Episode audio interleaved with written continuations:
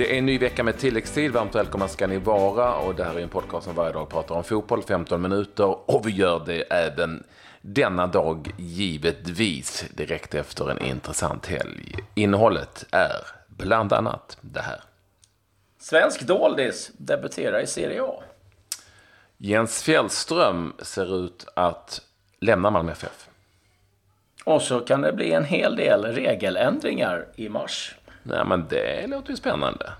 Mm, ny, det är faktiskt... Har du fått ny som ja. jag, jag har kontakter rakt in i IFAB. Så att, mm -hmm. det är den. Ja, vi får se fram emot att höra mm, ja, mer kring med de där. dessa. Eh, och jag hoppas att det är några som är bra också, regeländringar. Men det tror jag säkert. Vi inleder med den fotboll som spelades igår. Det var ju spel både i Premier League och Eh, Eh, Spanien-Italien till exempel. Vi inleder med eh, de matcherna som spelades i England.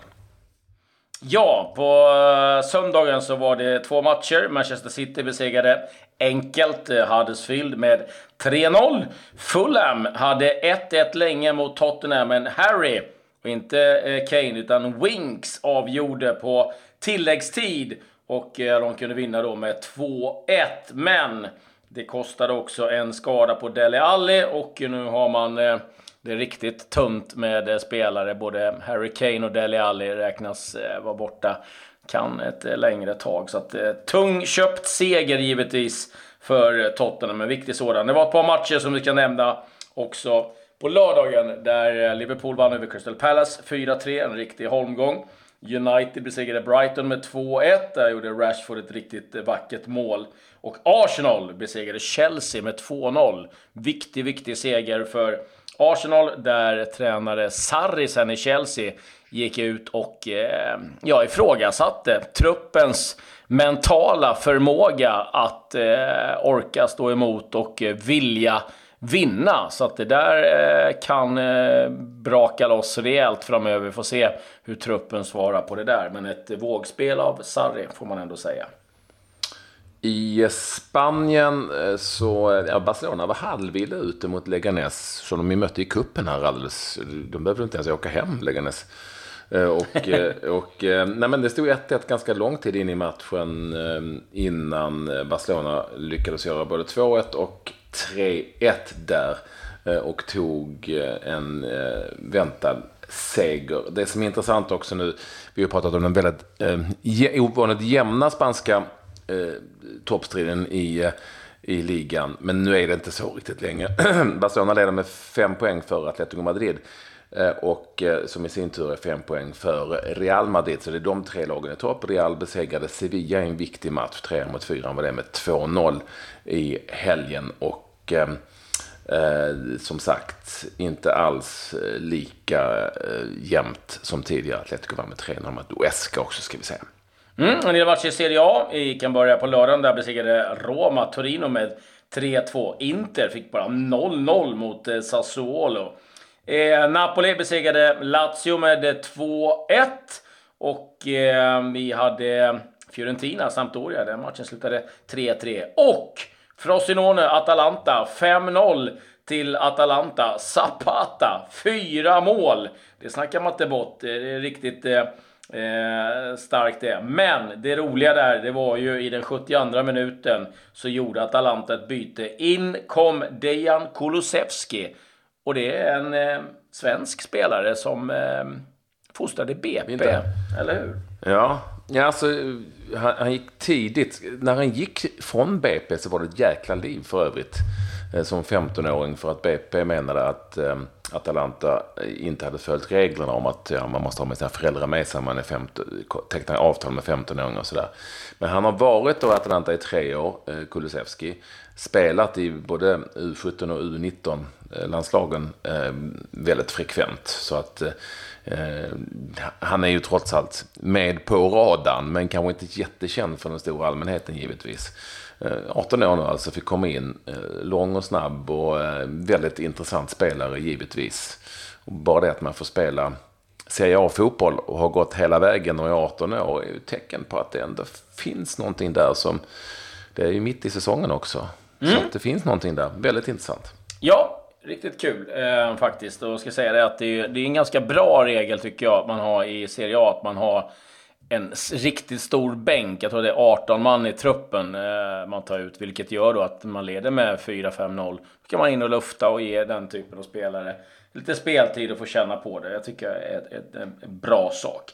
Bundesliga igång igen också efter ett eh, vinteruppehåll på cirka en månad. Och eh, Dortmund besegrade Leipzig med eh, 1-0. Witzel matchens enda målskytt.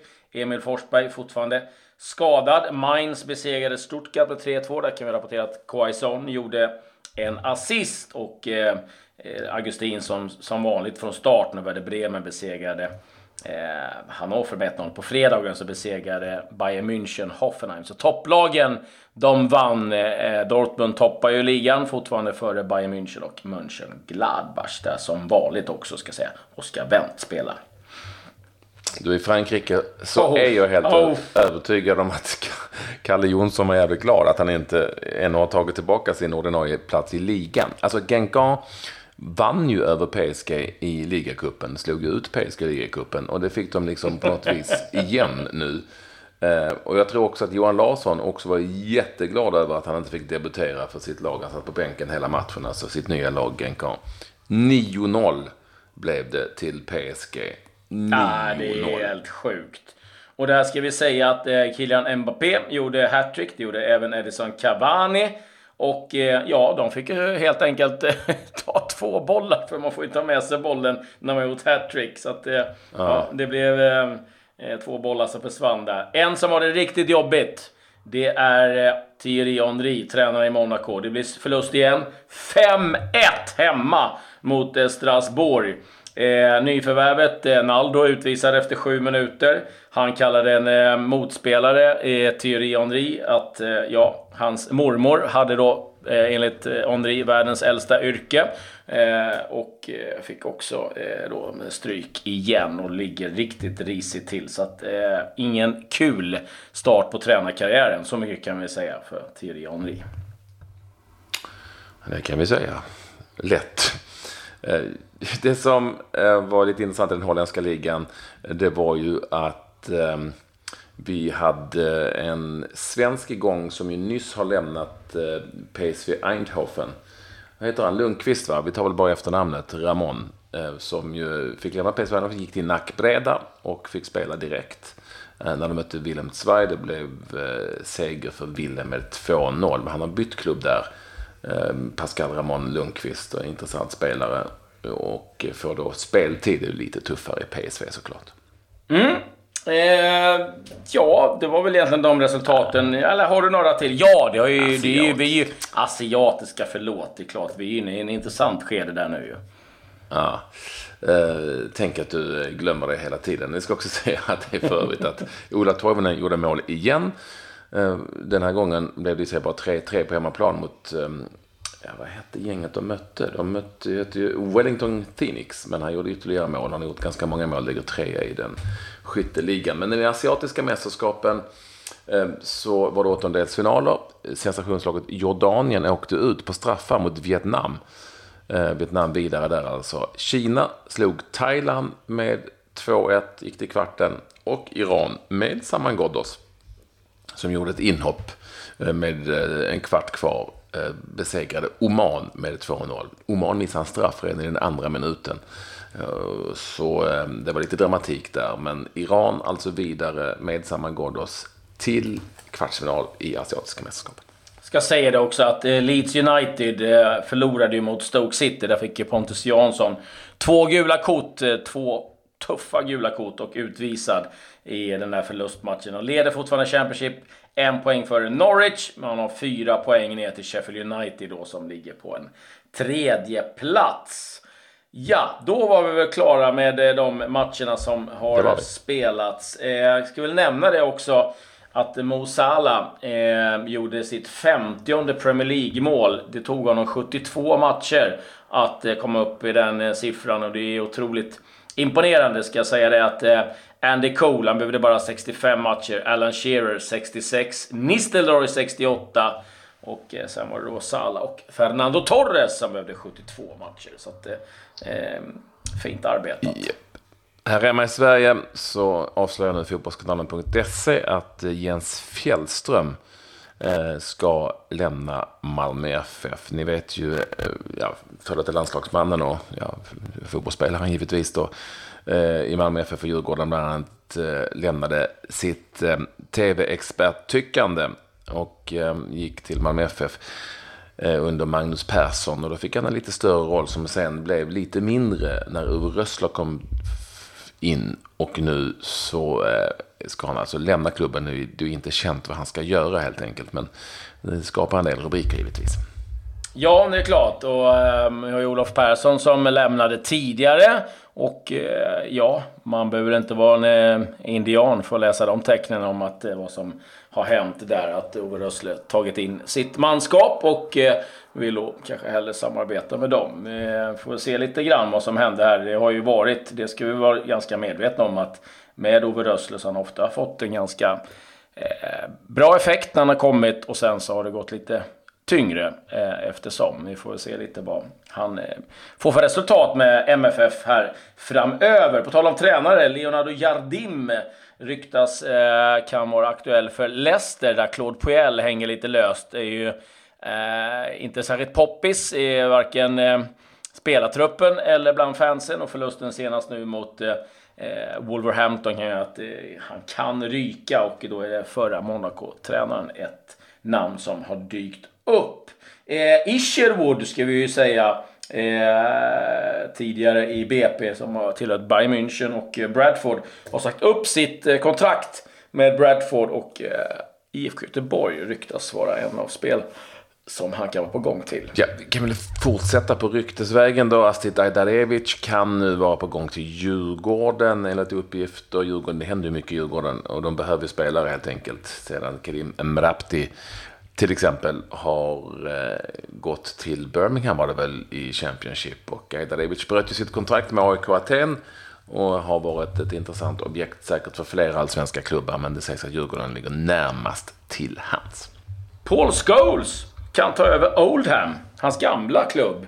Eh, hans hemstad. Eh, och det kan vara en deal på 18 månader. Ligger på 12 plats i League 2. Har ju varit aktuell för det jobbet innan, men nu går ryktena igen att han kan vara på gång. Eh, sen så var jag ju inne på det här med regeländringar. Ja, men låt höra. Vad ja, är det, det är ju så här att det finns ju något som heter IFAB, International Football Association Board. Och de eh, träffas ju ibland för att gå igenom olika regeländringar och nu eh, i mars månad så ska de träffas i Aberdeen och eh, det kan bli så att eh, det blir en regeländring på hands eh, och det är den största förändringen på 80 år och då tänkte man nu är det grejer på gång. Men det var inte så jättestort. Däremot så är det då Eh, man har ju någonting som heter avsiktlig hands. Eh, det var ju något man införde. Men nu har man eh, då kommit fram till att till exempel om en forward får bollen på handen oavsiktligt, den dimper ner framför fötterna och han kan göra mål.